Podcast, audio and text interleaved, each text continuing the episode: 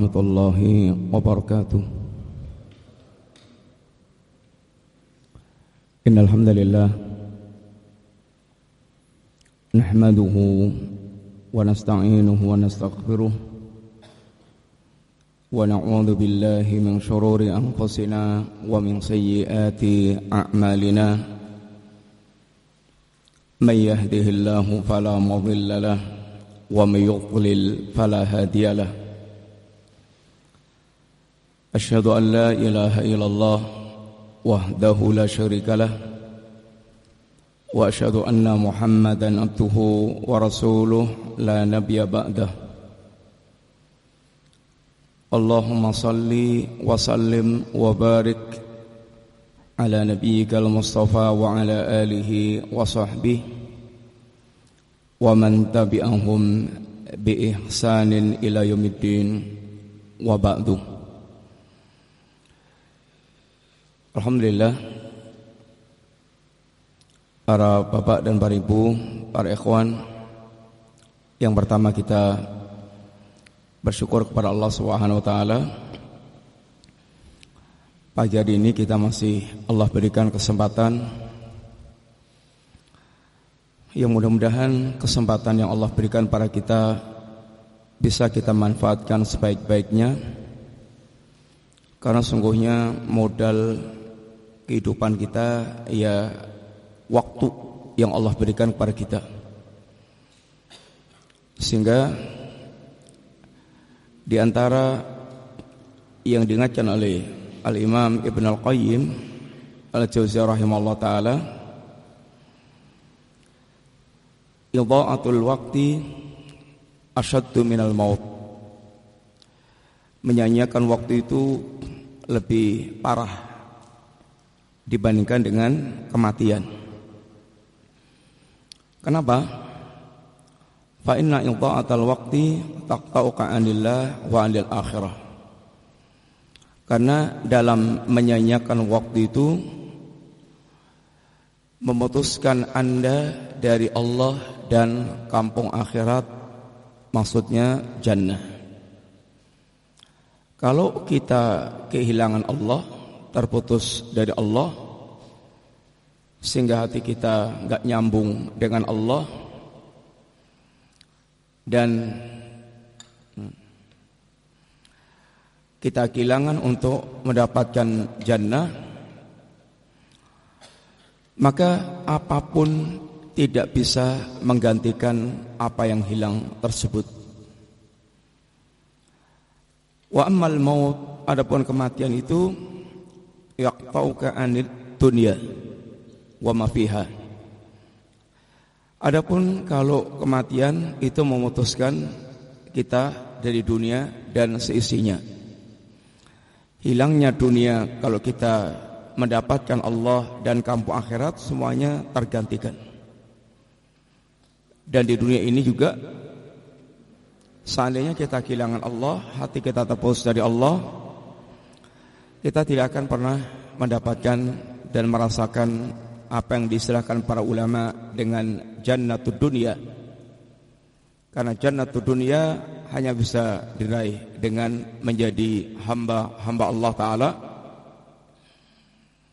Sehingga walaupun kita berlimpah ruah dengan perkara dunia, maka tidak bermakna buat seseorang tersebut.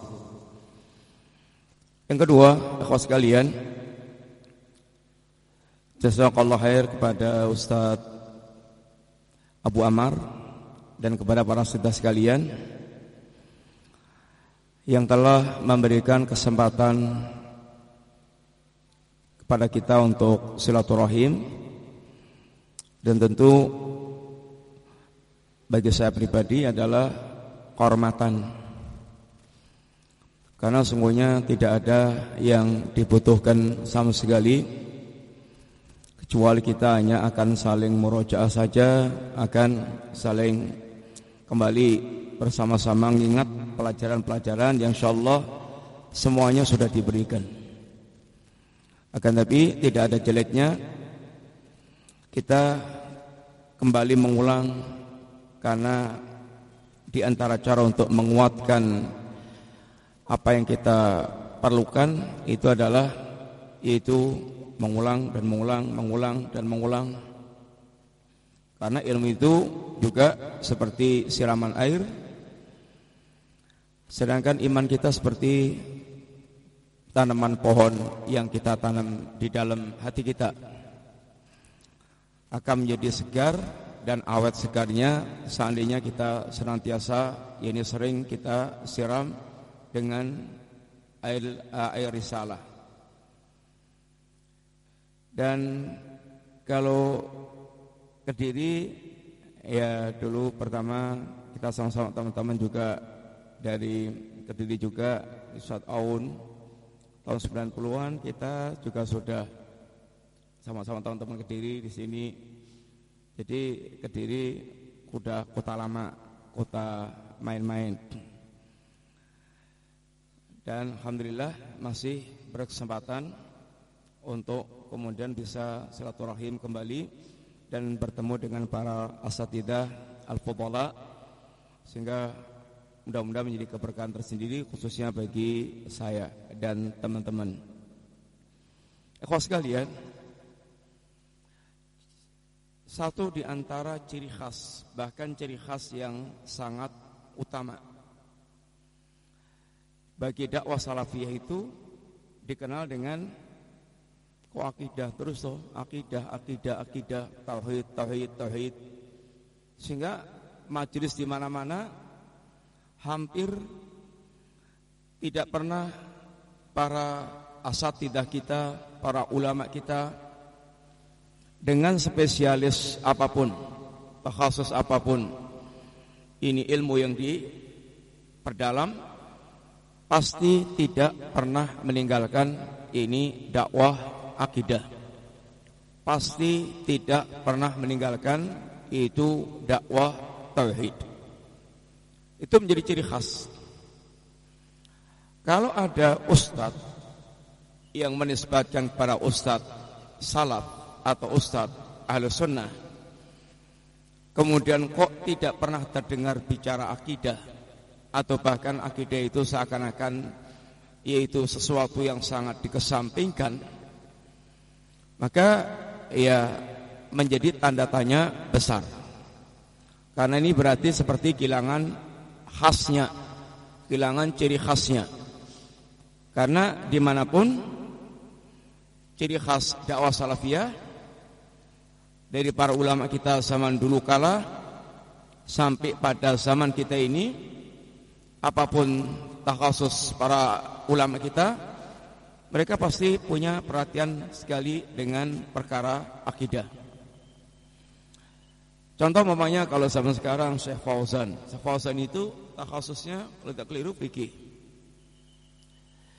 Tapi perhatian beliau kepada pembahasan masalah akidah sangat lebih menonjol dibandingkan dengan pembahasan tentang masalah fikih yang menunjukkan bagaimana perhatian para ulama kita terhadap masalah yaitu akidah tersebut. Alhamdulillah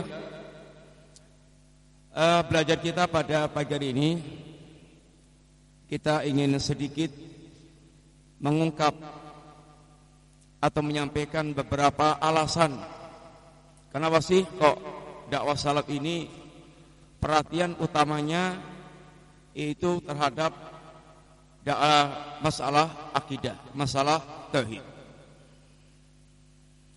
Sebelum kita masuk pada beberapa alasan yang ingin kita sampaikan,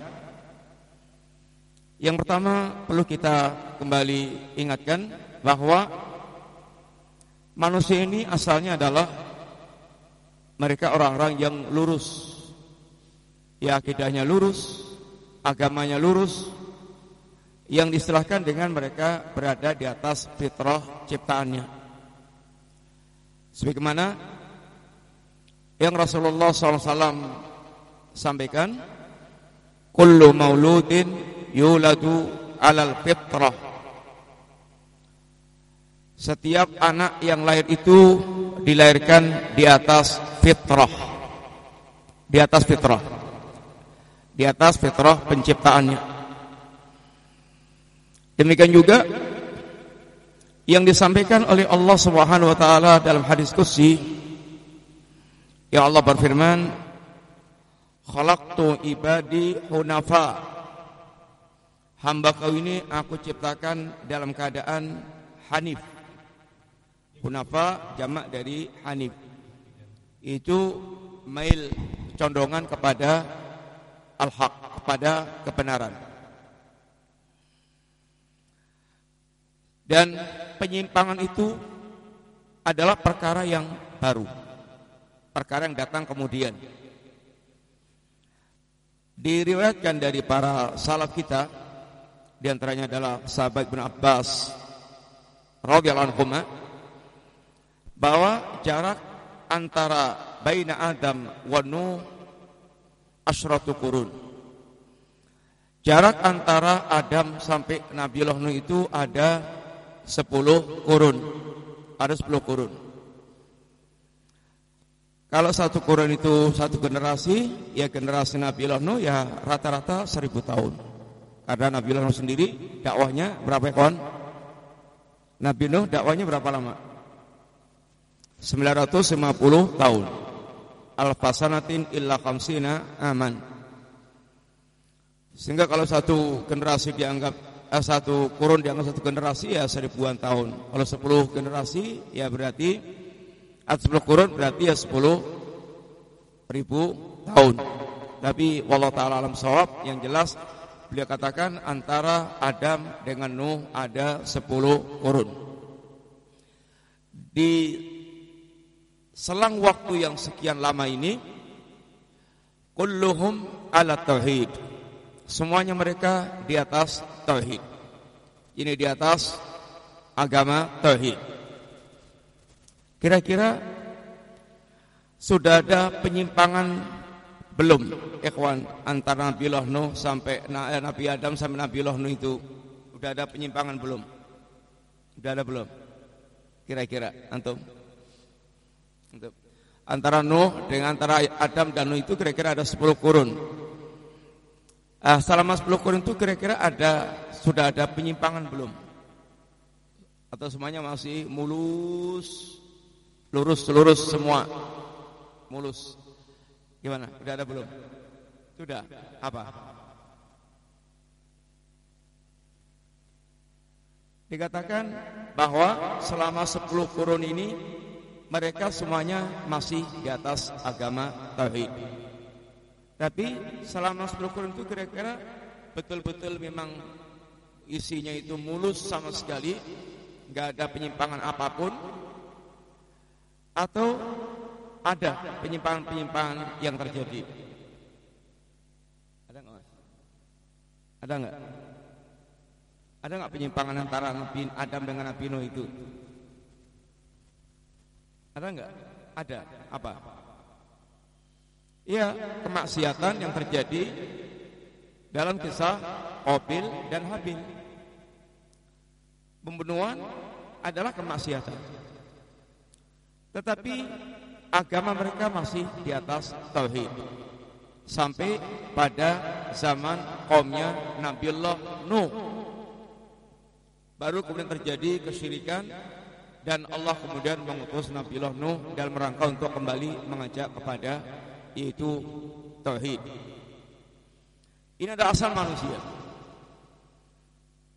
Sehingga tidak sebagaimana yang diungkapkan oleh sebagian orang tentang itu evolusi keyakinan manusia. Adapun Islam mengajarkan asal muasal yaitu manusia adalah di atas tauhid dan kemudian segala macam bentuk penyimpangan-penyimpangan itu adalah perkara yang baru yang datang ya ini sebagai bentuk perusakan terhadap fitrah manusia. Apa ini adalah ini diberitakan Allah dan Rasulnya dan dijelaskan para salaf kita tentang ini sekilas sejarah yaitu manusia. Tetapi fitrah itu bisa mengalami kerusakan. Fitrah itu bisa mengalami kerusakan. Sehingga dikatakan Nabi sallallahu alaihi fa'abawahu yuhawwidanihi au yunassiranihi au yumajjisanihi kedua orang tuanya lah yang menjadikan anak itu dia Yahudi atau Nasrani atau Majusi dan tidak ada kalimat wa dan yang menjadikan anak itu Islam. Enggak. Karena Islam adalah pokoknya. Ya ini asalnya. Adapun kemudian manusia menjadi Yahudi menjadi Nasrani menjadi kemudian Majusi ini di antaranya adalah karena ada pengaruh lingkungan dan lingkungan yang paling dekat pertama kali adalah lingkungan keluarga. Lingkungan keluarga. Nanti ada lingkungan sekolah, nanti ada lingkungan masyarakat yang kadang-kadang orang sudah dididik di keluarganya bagus-bagus baik-baik. Di sekolah ketemu temannya bisa jadi rusak atau di keluarga dididik bagus, di sekolah dididik bagus, begitu keluar ke tengah-tengah masyarakat bisa rusak bisa kemudian berubah. Dan itu adalah wakil yaitu kenyataan. Berapa banyak orang mereka berubah dengan sebab pengaruh masyarakat atau pengaruh sekolah? Dan yang pertama kali tentu adalah lingkungan yaitu keluarga. Sehingga yang asalnya fitrah sebagai seorang muslim yang memiliki kecenderungan kepada al-haq akan menjadi menyimpang dan nampak sebagai bentuk ini penyimpangan-penyimpangan yang dinampakkan. Ini semuanya di antaranya disebabkan karena pengaruh yaitu lingkungan. Atau sebagaimana juga di dalam hadis yang tadi telah kita baca Allah Subhanahu wa taala katakan khalaqtu ibadi hunafa'ah aku ciptakan hambaku dalam keadaan hanif. Dalam keadaan dalam keadaan hunafa lurus. Kemudian kata Allah fa'atathumus syayatin lalu datanglah syaitan. Yang syaitan datang fasdalathum andinihim dalam rangka untuk menyesatkan mereka menyimpangkan mereka membelokkan mereka dari agama mereka. Sehingga termasuk di antara terjadinya berbagai macam bentuk penyimpangan-penyimpangan yang ada itu semuanya berkaitan dengan ini buah dari dakwah syaitan yang memang dari awal iblis sudah sumpah serapah di hadapan Allah la ukhwiyannahum ajma'in laqudanna lahum siratal mustaqim. Iblis akan menyesatkan semua anak Adam tanpa kecuali dan iblis akan yaitu menghalang-halangi setiap orang dari jalan Allah Subhanahu wa taala maka dari situlah di antaranya kemudian manusia dia mengalami perubahan-perubahan penyimpangan-penyimpangan sesuai dengan kesatan yang menimpa mereka, sesuai dengan kadar kesatan yang menimpa kepada mereka. Ini secara umum, secara global. Di sana ada beberapa faktor yang bisa merusak agama seorang. Kalau Syekh Rasul Taala ketika beliau menjelaskan tentang syajaratul iman maka ada asbab ad-dakhiliyah atau dengan istilah faktor-faktor internal dan asbab al-kharijiyah faktor-faktor eksternal yang membuat manusia kemudian dia jadi menyimpang dari fitrah kelurusannya atau fitrahnya yang lurus. Di antara faktor internalnya yang datang dari diri manusia sendiri yang paling utama di antaranya adalah al-jahlu bidinillah, kebodohan dia terhadap agama Allah Subhanahu wa taala. Dan kebodohan ini musibah. Dan kebodohan merupakan pintu terbesar menyimpangnya manusia gampangnya manusia kata Imam Ibnu Qayyim beliau mengatakan fala syakka fala raiba anna jahla aslu kulli fasadin wa kullu dararin yalhaqul abdu fid dunya wa ukhrahu fawa natijah tidak diragukan lagi bahwa kebodohan itu adalah pokok segala kerusakan. Pokok segala kerusakan. Dan tidak ada malapetaka yang yang menimpa seorang hamba di dunia maupun di akhirat kecuali semuanya adalah hasil daripada kebodohan tersebut. Sehingga Allah Subhanahu wa taala pun di antara kisahkan umat-umat yang terdahulu. Yang dengan sebab kebodohannya itu bahkan mereka juga hampir-hampir terjerumus dalam perbuatan kesyirikan. Seperti yang dicontohkan oleh Allah Subhanahu wa taala tentang kisah Bani Israel kisah tentang Nabiullah Musa bersama dengan Bani Israel yang baru saja. Bagaimana Allah perlihatkan kepada Bani Israel itu Allah menenggelamkan Fir'aun di lautan yang dilihat oleh kepala mata oleh mata kepala mereka sendiri. Langsung mereka melihat bagaimana Allah menenggelamkan Fir'aun di lautan. Baru kemudian baru saja melihat peristiwa itu lalu melewati perkampungan musyrikin dan mereka memiliki berhala-berhala yang disembah. Minta kepada Nabiullah Musa alaihissalatu wassalam ya Musa ij'al lana ilahan kamalahum alihatun. Ya Musa buatkan untuk kita ini sesembahan. Dan tentu Bani Israel tidak akan tidak mungkin memiliki niat khusus untuk menyekutukan Allah Subhanahu wa taala. Tapi itu yang diminta oleh Bani Israel ya Musa, ij'al lana ilahan kama lam aliyatu. Apa kata Nabi Allah? Apa kata Nabi Allah Musa alaihissalatu wassalam? Qala innakum qaumun tajhalun.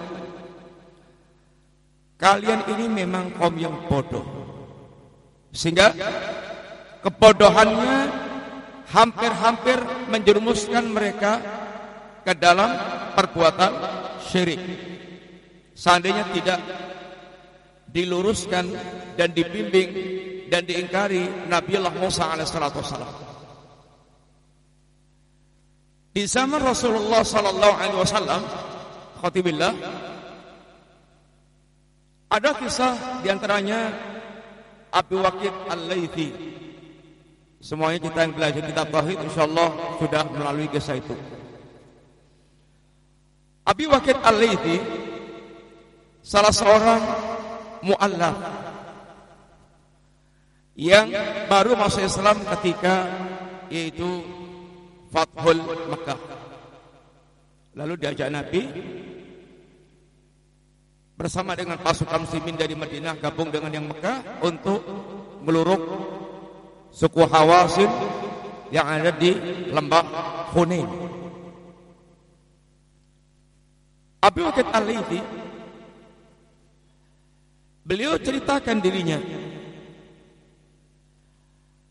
tentang kondisi dirinya wa nahnu hudatsa'u ahdin bi kufrin saya baru saja keluar dari masa-masa kekafiran Artinya beliau mengambil utur. Saya itu sampai minta yang kayak gini, yang akan beliau minta itu karena backgroundnya memang beliau baru keluar dari masa kekafiran yang puluhan tahun tenggelam dalam yaitu kesyirikan. Sehingga ini juga memberikan pelajaran kepada kita, kawan. Orang yang hijrah yang punya background macam-macam. Ada background sufi, ada background liberal, ada background maksiat, ada background macam-macam. Ada background kafir. Ini juga menjadi peringatan bagi kita jangan karena sang mualaf ini tenar, terkenal, entah terkenal sebagai artis, entah terkenal sebagai pendeta, entah terkenal dalam dunia maksiat segala macam. Kemudian begitu hijrah, langsung kita orbitkan muncul terus di tengah-tengah ini uh, kaum muslimin sampai akhirnya yang harusnya awal-awal hijrah itu mesti banyak-banyak belajar banyak-banyak dia untuk mengumpulkan ilmu sehingga bagaimana betul-betul dia merasa kokoh dengan ini dasar-dasar agama ini tapi nggak ada waktu lagi untuk belajar hanya paling ngobrol-ngobrol tapi udah kadung juga terkenal dibawa ke mana-mana diundang sana undang sini undang sana undang sini akhirnya begitu ketemu Ustadz Subhat apalagi juga kemudian ada memang kecocokan dalam hatinya jeglek. Bisa kemudian dia balik lagi. Atau terkena syubhat karena masih lemahnya ini dasar-dasar yang mestinya harus dia kuasai. Ini yang mesti harus kita lakukan. Kalau kita sedang baru hijrah harus merumangsani juga kita ini masih butuh ini peneguhan.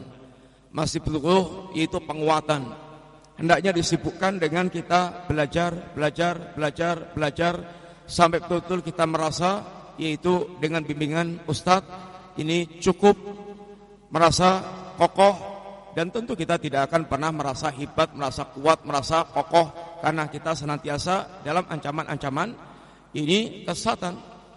Tapi kaum umumnya masih harus begitu. Abi Wakid Al-Laythi juga Beliau menyampaikan udurnya. Saya ini baru masa baru keluar di masa kekafiran. Yang puluhan tahun tenggelam dalam kesyirikan. Sehingga ketika di suku ini Hawasin mereka memiliki yang ini pohon yang dikeramatkan yang namanya Datu Anwat yang mereka namai dengan Datu Anwat. Menarik bagi Abu Bakar Al-Laythi dan kiranya kalau dia muslimin memiliki seperti apa yang mereka miliki. Maka dia pun minta kepada Nabi SAW, Ya Rasulullah, ija'al lana data anwat kamalahum datu anwat.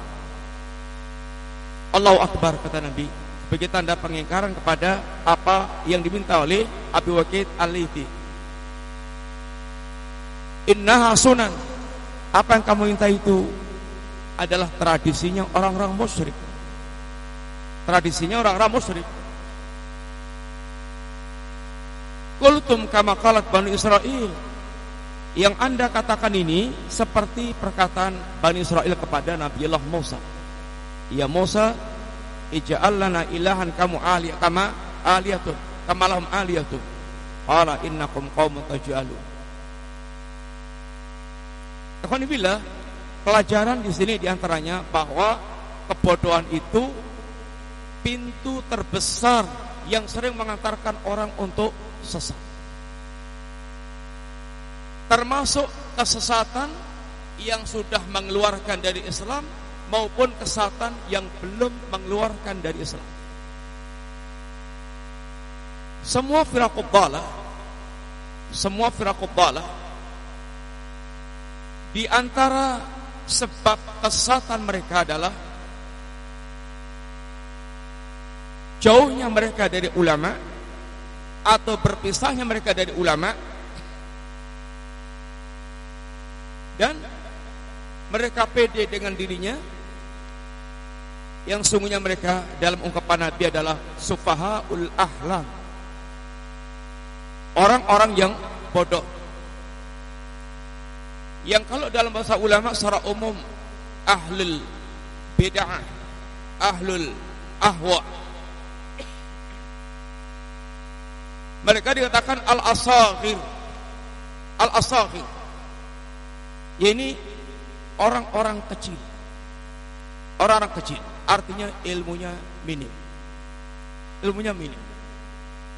Yang jelas ahlul bidah, ahlul ahwa, perhatian mereka kepada nas-nas syariat tidak sebagaimana perhatian para ulama al-sunnah.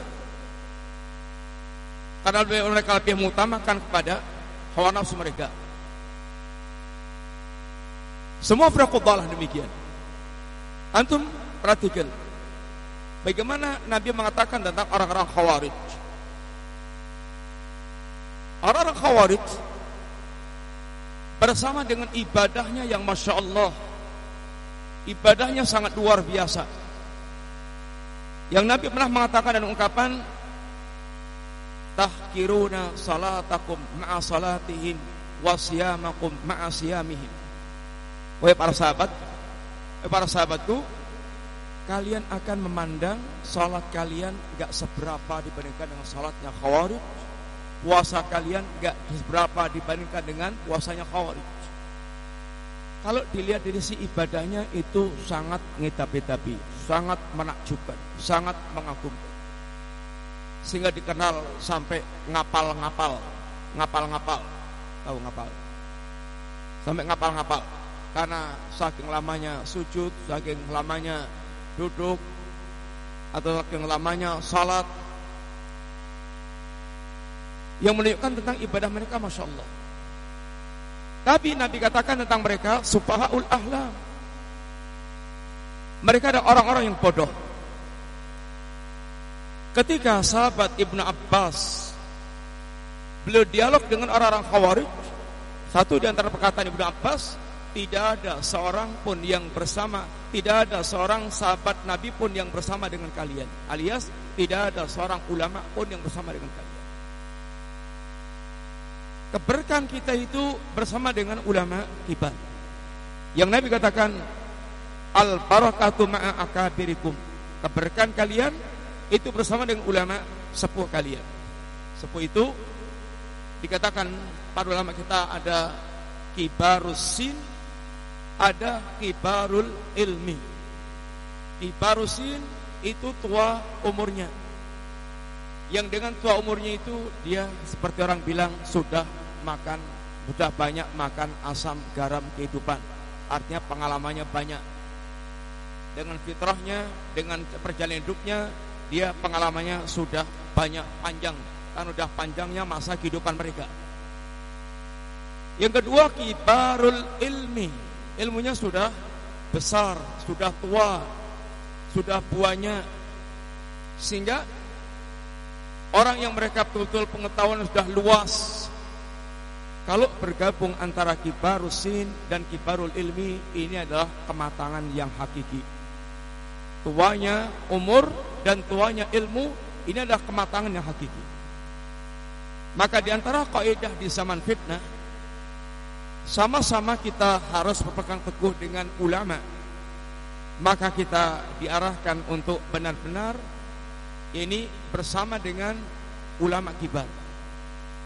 Karena yang masih muda itu satu yang belum hilang di antaranya adalah ya ini semangat mudanya. Yang kadang-kadang ya ini beda dengan sudah tua, menepnya itu lain. Menepnya, perenungannya sehingga betul-betul menep kejiwaannya itu beda dengan yang masih yaitu muda. Bapak sekalian, sebab penyimpangan yang pertama yang sangat berbahaya dan pintu besarnya penyimpangan adalah al-jahlu bidinillah. Kebodohan terhadap agama Allah Subhanahu wa taala. Ini pintu terbesar yang menyeret pada penyimpangan. Makanya yang paling gampang diombang-ambingkan oleh subhat adalah orang yang paling bodoh terhadap agama ini. Karena akan menjadi orang yang paling samar. Orang yang semakin minim ilmunya semakin samar melihat perkara. Dan orang semakin kuat ilmunya, maka dia akan semakin tajam yakni penglihatannya. Karena ilmu adalah nur, ini cahaya yang akan menerangi sisi kehidupan mereka dengan ilmu tersebut. Makanya yang paling tidak bingungan ketika ada fitnah adalah para ulama. Yang paling sering gampang terperosok dan hanyut dengan arus fitnah adalah orang-orang yang mereka bodoh terhadap agama Allah Subhanahu wa taala. Yang orang bilang seringnya orang awam itu kalau fitnah datang itu ya nggak bisa membedakan. Belum bisa membedakan. Nanti baru dia bisa komentar itu kalau sudah lewat, terlambat. Sehingga O-nya itu terlambat. O tapi sudah makan korban duluan. Tapi kalau ulama begitu fitnah datang sudah terontong-terontong sudah tahu bahayanya fitnah yang akan yaitu menimpa umat ini. Contoh, dulu tahun-tahun berapa ya? Tahun-tahun 90-an lah. Fitnah Khomeini. Fitnah Khomeini yang berhasil menggulingkan Syah Iran.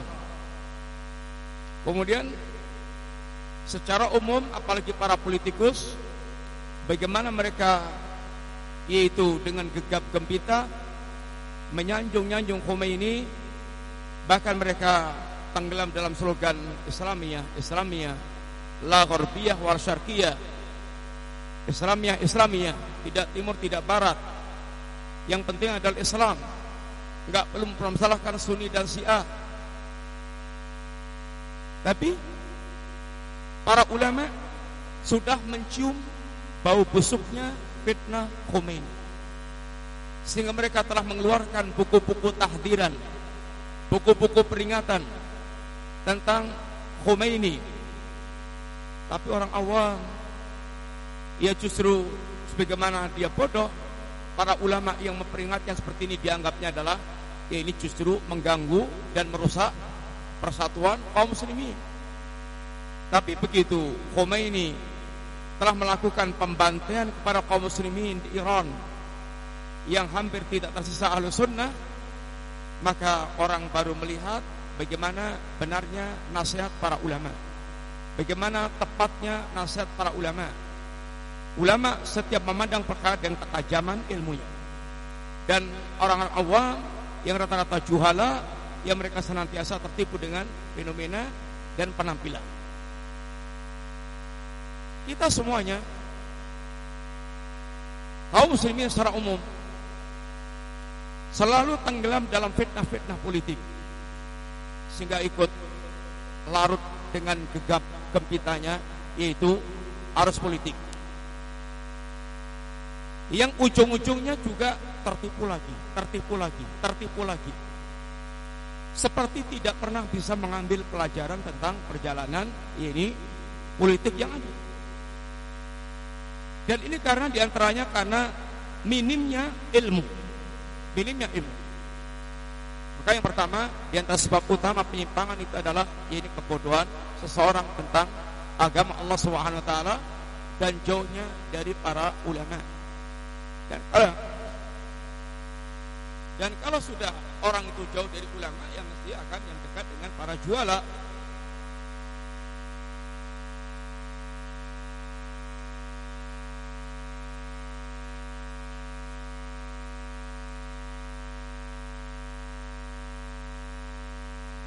Ya kalau orang itu jauh dari para ulama pasti ya dekatnya dengan para juala. Pemimpin-pemimpin yang juala. Para rawaibidah yang mereka akan dengan sangat provokatif dengan kebodohannya akan menyesatkan ini manusia. Apalagi kalau dia punya ambisi sehingga menjadi a'immatul dalal, menjadi du'atun ala abwabi jahannam, menjadi penyuruh-penyuruh yang mengantarkan ke jahanam. Yang pertama, al-jahlu bidinillah. Kebodohan mereka tentang agama Allah Subhanahu wa taala. Yang kedua adalah at-ta'assub. Dan ta'assub ini gandengannya taklid. Kayak dua sisi mata uang, ada ta'assub, ada taklid. Orang taklid biasanya ta'assub. yang standarnya sudah tidak lagi ini kepada ini dalil.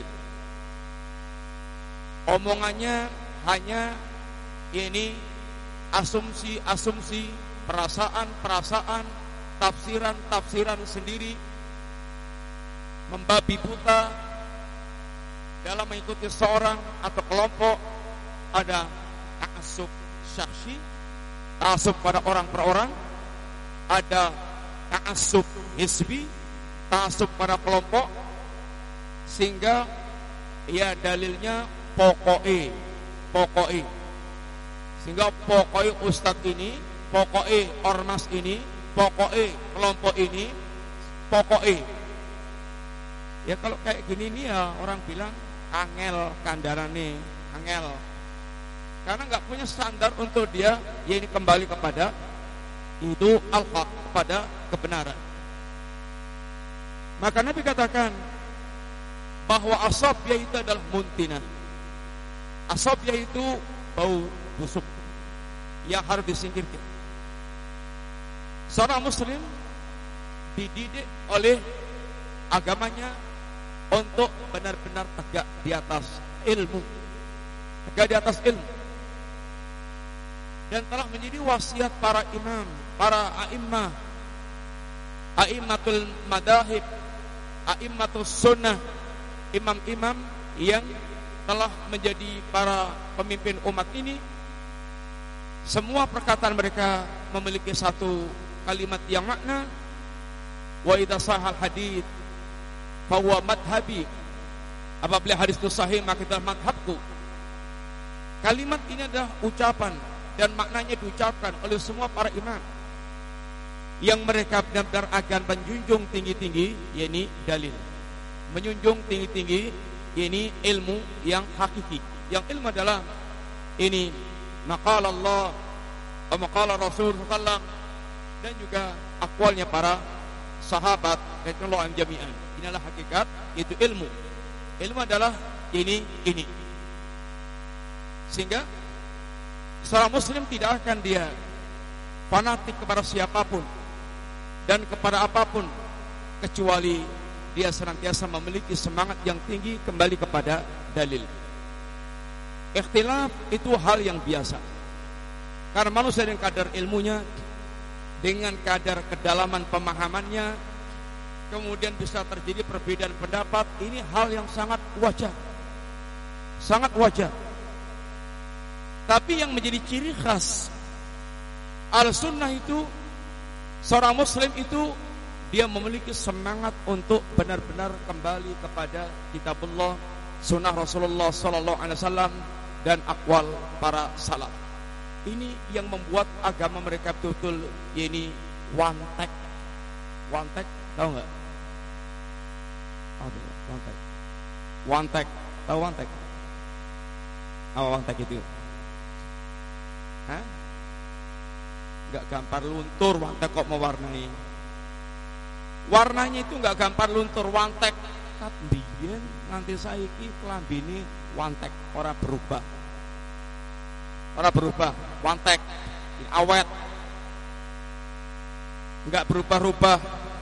Makanya saya terasa juga membuatkan pembahasan untuk kita asbabu sabati akidatis salaf sebab-sebab kokohnya akidah salaf kenapa akidah salaf itu sangat kokoh dari awal sampai sekarang? Nggak berubah-ubah. Ada 15 sebaban yang beliau yakni bawakan. Intinya bahwa ini semuanya di antara sebab yuta sebab yang sangat utamanya karena mereka betul-betul berpegang dengan ilmu dan memiliki semangat yang besar untuk selalu kembali kepada yaitu ilmu. Dan jangan termakan dengan istilah rumongso bener dewi, rumongso bener dewi. Ya kalau di dunia ini mesti harus ada yang dipegangi, harus tahu yang standar yang benar itu kayak apa. Kalau guru semuanya itu digugat ojo rumongso bener dewi ya anaknya anak didiknya koplo semuanya itu nanti karena nggak ada yang disalahkan bener terus semuanya bener kabeh Mesti yang penting harus tahu standar kebenaran. Standar kebenaran. Salah nggak salah itu yang penting ada standarnya. Dan harus bisa menyalahkan. Kalau nggak bisa menyalahkan gimana? Antum berarti kalau tidak yakin yang antum pegangi benar, gimana? Berarti ragu-ragu. Nggak yakin aku. Nggak yakin aku kalau Islam itu agama yang paling benar dewi. Terus gimana? Yang itu mau dakwah gimana? Enggak yakin.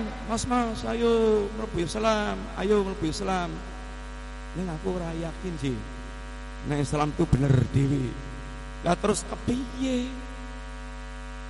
Ini adalah kalimat-kalimat racun yang membuat orang kemudian yaitu menjadi terumbang-ambing dalam kebingungan. Ya memang tidak boleh kita nyalah-nyalahkan kalau tidak pakai kaidah yang benar dalam menyalahkan. Nah, Quran aja nyalakan, gini salah, gini salah, gini salah, gini salah, gini salah. Ini neraka, neraka, neraka, neraka. Yang benar gini, gini, gini, gini. Antum gimana komentarnya dengan Quran? Wih, senangi kitabnya nyala-nyala keji. Gimana? Terus dibuat gitu. Yang penting itu adalah harus tahu standar ya ini kebenaran. Mau dibilang nyalah-nyalakan atau nggak nyalah-nyalakan itu yang penting harus punya kaidah yang benar dalam itu urusan itu memegang standar kebenaran. Ah, taklid dan ta'assub ini ya di antaranya buah daripada kebodohan juga. Karena bodohnya itu kemudian dia taklid dan ta'assub. Sehingga dia tidak kembali kepada ini hakikat ilmu yang diajarkan oleh Allah dan Rasulnya Sallallahu Alaihi Wasallam.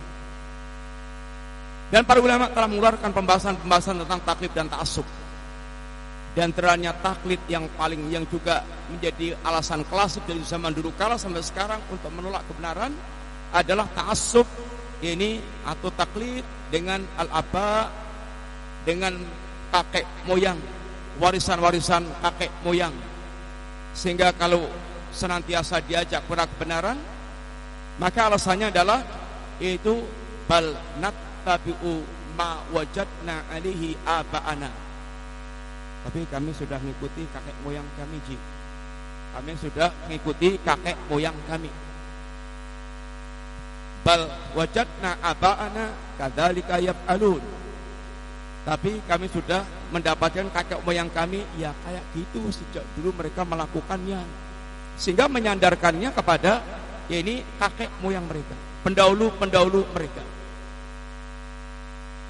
Maka seorang muslim dididik untuk benar-benar ini berada di atas sikap ilmiah, hendaknya beramal dengan ilmu, jangan beramal tanpa ilmu, semuanya yang telah diingatkan oleh ini Allah dan Rasulnya Alaihi Kalau urusannya nggak tahu ya tanya. Fasalu ahla dzikri in kuntum la ta'lamun. Tanyalah kepada ahlu dzikri kalau kalian tidak mengetahui. Maka Nabi marah kepada orang yang mereka melakukan amalan tanpa ilmu yang membuat matinya ini seorang. Ada seorang ada seorang yang terluka kepalanya yang menjadikan dia harusnya nggak boleh terkena air. Lalu dia ihtilam atau lalu dia intinya adalah junub. Saat tanya sama teman-temannya, boleh nggak? Saya nggak mandi junub. Nggak boleh, harus mandi junub. Harus mandi lalu dia mandi, lalu mati. Lalu kasusnya diangkat kepada Nabi SAW. Alangkah sangat marahnya Nabi, qataluhu qatalahumullah. Mereka telah membunuhnya, semoga Allah yaitu membinasakan mereka. Nabi marah.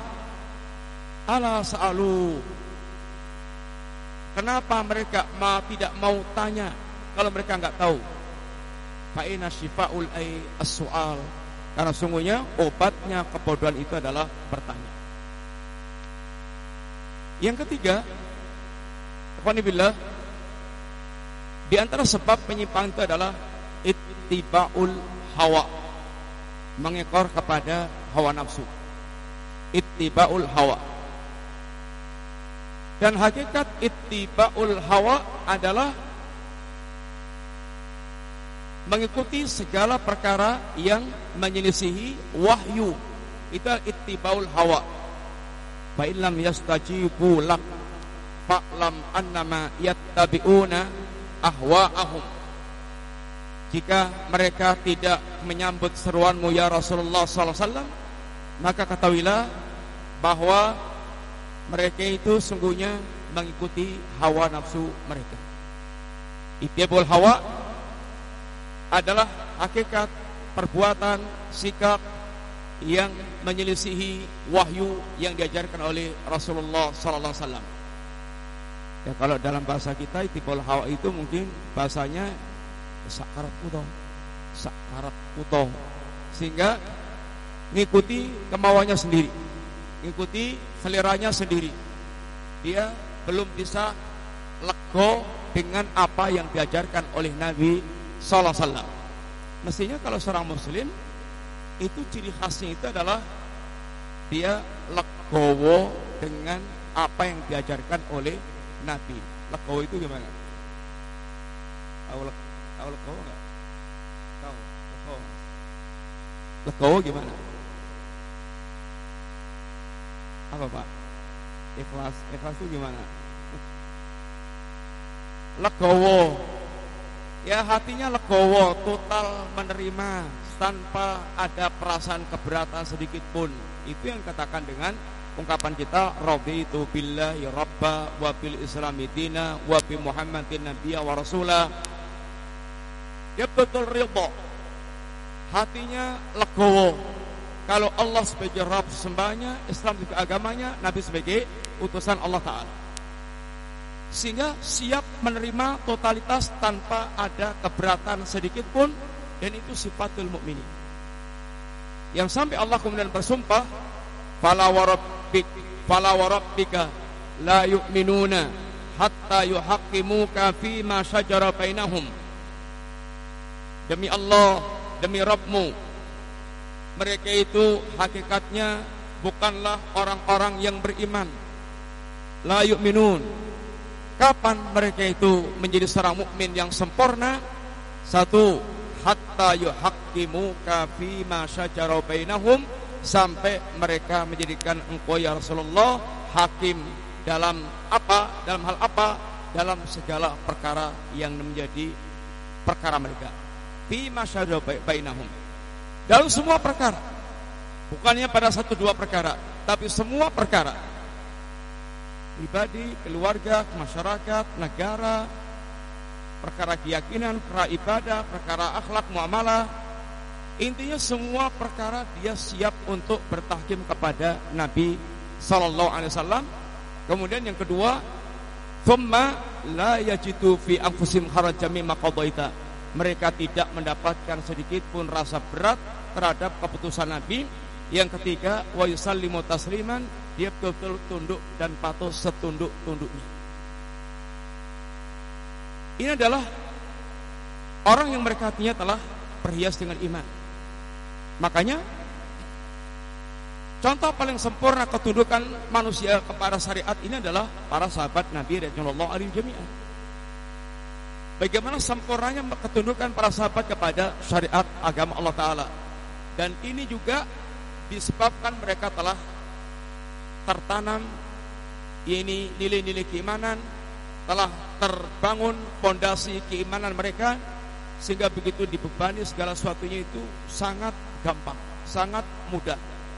Menjadi generasi yang betul-betul sami'na wa ata'na yang senantiasa tunduk dan patuh dengan apa yang disuruhkan Allah dan Rasulnya. Enggak ada kalimat yakni wa asaina yang adalah sami'na wa ata'na. Ketika turun ayat lillahi ma fis samawati wa ma fil ardi wa in tubdu ma fi anfusikum aw tuhfuhu yuhasibukum billah. Para sahabat terasa berat banget tentang ayat ini. Kira-kira beratnya di mana ya kawan? Tentang ayat ini. Lillahi ma fis samawati wa ma fil ardi wa in tubdu ma fi anfusikum aw tuhfuhu yuhasibukum billah ini kira-kira rasa beratnya di mana yang membuat berat sahabat di mana Apa ya? Yang mana kira-kira? semua langit dan bumi itu adalah milik Allah Subhanahu wa taala. Kerajaan langit dan bumi milik Allah Subhanahu wa taala. Wa in tubtu ma fi anfusikum aw tukhfuhu yuhasibukum billah. Apa pun yang Anda nampakkan, yang Anda lahirkan atau yang Anda sembunyikan semuanya akan dihisap oleh Allah taala. Kira-kira rasa beratnya di mana, ikhwan? Di mana rasa beratnya? Tang pundi, Pak? Yang membuat para sahabat itu rasanya betul-betul berat banget tentang ayat ini di mana kira-kira?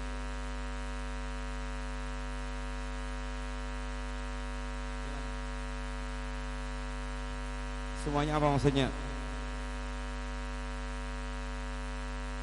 Para sahabat yang terasa berat itu karena yang terlintas-terlintas dalam hati pun akan dihisap oleh Allah Ta'ala. Padahal alangkah sangat ngerinya kalau orang itu dihisap oleh Allah Ta'ala. Maka kata para sahabat, Ya Rasulullah, kulifna bima nutik. Ya Rasulullah, kami sudah dibebankan Allah dengan berbagai macam amalan yang kami sanggup puasa, salat, puasa, jihad, zakat segala macam sambung. Sekarang turun ayat ya Allah, ya Rasulullah yang kami terasa tidak sanggup dengan ayat ini. Terasa berat bagi para sahabat. Karena para sahabat orang yang paling sangat ingin sukses di kampung akhir. Kalau sampai kemudian sampai yang yang lintasan-lintasan batin yang sering tidak bisa dikendalikan. Tahu-tahu liut, seret, pengen apa, seret, pengen apa. Itu lintasan itu sering muncul dalam hatinya seorang. Kalau ini akan dihisap semuanya, masya Allah, betapa sangat beratnya. Bagaimana, bagaimana Nabi mendidik para sahabat? Wahai para sahabatku, atakulun kama qalat Banu Israel Wahai para sahabatku, apakah yang kalian inginkan? Aturiduna antakulu Kama qalat Bani Israel. Apa yang kalian inginkan adalah seperti perkataan Bani Israel yang mengatakan sami'na wa asaina bal sami'na wa ata'na. Tapi hendaklah kalian tetap mengucapkan sami'na wa. Dan berkah dari para sahabat yang mengikuti arahan Nabi sami'na wa adalah turunnya ayat la yukallifullahu nafsan illa wus'aha. Intinya bahwasanya kaum muslimin dididik terhadap syariat agamanya itu sami'na wa ta'na. Enggak ada protes sedikit pun. Kita itu di zaman para dajjal, para penipu, para penyesat mengajari untuk membangkang setiap syariat Allah Subhanahu wa taala. Sedangkan syariat Allah itu penuh dengan kezaliman dan syariat yang sudah kadalu warso sehingga perlu direvisi, revisi, revisi, revisi. Yang ini semuanya buah daripada bodohnya mereka tentang Allah dan kurang ajarnya mereka terhadap Allah dan tidak beradabnya mereka terhadap Allah SWT. Para sahabat diajarkan Nabi balqulu sami'na wa Ketika turun ayat Homer dan Homer itu adalah kebiasaan yang sudah mendarah daging bagi mereka yang hampir tidak ada rumah tangga para sahabat kecuali mereka sedia Homer bahkan menyimpan Homer punya simpanan simpanan Homer ketika Nabi SAW ingin menyampaikan tentang tahrimul Homer gak ada kesulitan sama sekali beda seandainya kalau negeri kita ingin memutuskan larangan sesuatu yang jelas-jelas haram dalam agama kita. Rapatnya, amplopnya, kemudian dibatnya, segala macamnya. Dan seringnya berakhir dengan kegagalan. Nabi hanya mengutus satu orang untuk keliling penduduk Madinah menyampaikan ala innal khamra qad hurimat Ala innal khamra qad hurimat. Ketahuilah khamar telah diharamkan Allah. Ketahuilah khamar telah diharamkan Allah. Tidak ada seorang mukmin pun yang telinganya mendengar utusan Nabi menyampaikan pengumuman tersebut kecuali semua tumpahkan homer-homer bahkan yang sedang gelas di bibir homer mereka tidak ini menikmatinya mereka buang dan bahkan digambarkan gang-gang Madinah itu kayak banjir homer yang menunjukkan tentang ketunduk patuhan yang sangat luar biasa dari para sahabat Nabi Rasulullah alaihi Ini dampak ketika mereka nafsu mereka telah betul ini tunduk, patuh dan ridho dengan agama mereka. Makanya di antara penyimpangan yang terjadi yang ada adalah karena ittibaul hawa, karena mengikuti hawa nafsu. Dan firaqud dalah semua mereka menempuh jalan-jalan kesatan karena mereka ini mengikor kepada hawa nafsu tersebut. Kemudian di antara sebab penyimpangan juga kita singkat di antaranya hulu dan inilah pintu yang telah mengantarkan kaumnya Nabiullah Nuh untuk masuk ke wilayah kesyirikan dengan sebab hulu. Maka hulu dengan segala bentuknya diharamkan, dilarang oleh Nabi iyakum wal ghuluwa fa inna ahlaka man kana qablakum al ghuluwu ini hati-hatilah kalian tinggalkanlah kalian jauhilah kalian sikap ghulu karena semuanya kehancuran kebinasan umat terdahulu adalah karena sikap ghulu tentunya ghulu ini adalah kembalinya kepada tuntutan kepada standar syariat. Di zaman kita ini baru mau jadi orang baik dikit aja dibilang ghulu harus sholat setino peng nang masjid. Ghulu keterlaluan bendino nang masjid. Ya terus maksudnya penting kira sesasi. Ya Allah syaratkan lima sehari lima kali sholat jamaah itu yang seorang mukmin mesti dia hidupkan. Dan itu nggak keterlaluan itu baru namanya wajar. Baru namanya wajar. Hulu ini dia jasadnya itu dipatok terus di masjid sehingga istrinya nggak diurusi anaknya nggak diurusi keluarga kelekean kayaknya terlantar nggak diurusi karena dia sedang mendekat kepada Allah di masjid terus, lungguh nang masjid terus. Ini namanya hulu yang demikian dan itu di luar syariat Islam. Kalau baru sholat lima kali ke masjid peng limo ya belum hulu. Ada orang baru ngajinya seminggu peng limo dibilang hulu. Hulu.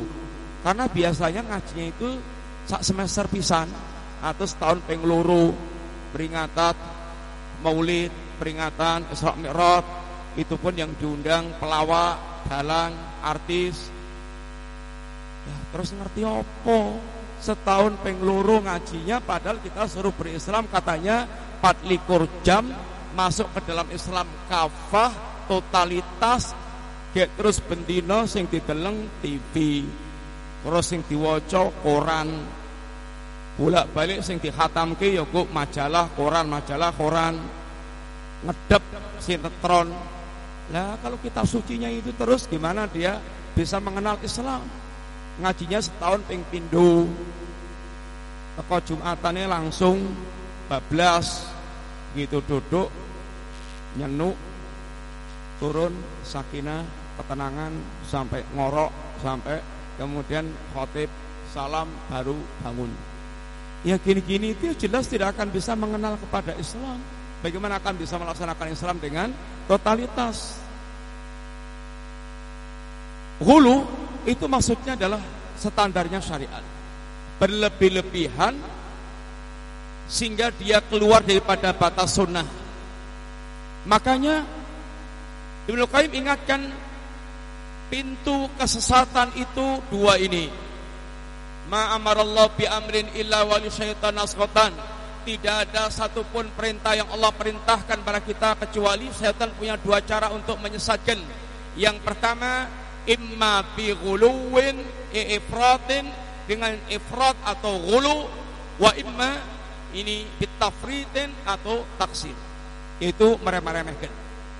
Sehingga dan dan katakan beliau wala yubali bi ayyihi madzafar. Setan enggak peduli dengan dua cara ini mana yang akan dia beruntung. Hulu ya beruntung, ifrat ya beruntung, tafrid ya beruntung, yang tidak beruntung itu kalau dia lurus di atas al mustaqim. Ini dulu ikhwan istirahat dulu. Tadi katanya jam setengah sepuluh. Istirahat dulu. Monggo istirahat sebentar. Istirahatnya ada sanatnya enggak Ustaz? Enggak, enggak. Jadi suruh anu dekek saja atau suruh geletakkan geger aja, ngelar geger, kemudian berdiri lagi, nanti balik lagi ke majelis. Insya Allah nggak apa-apa. Yang penting masih diberikan sehat, waras, fit. Mengatakan sekalian mikirin insyaallah kita lanjutkan kembali sebentar lagi. Wassalamualaikum warahmatullahi wabarakatuh.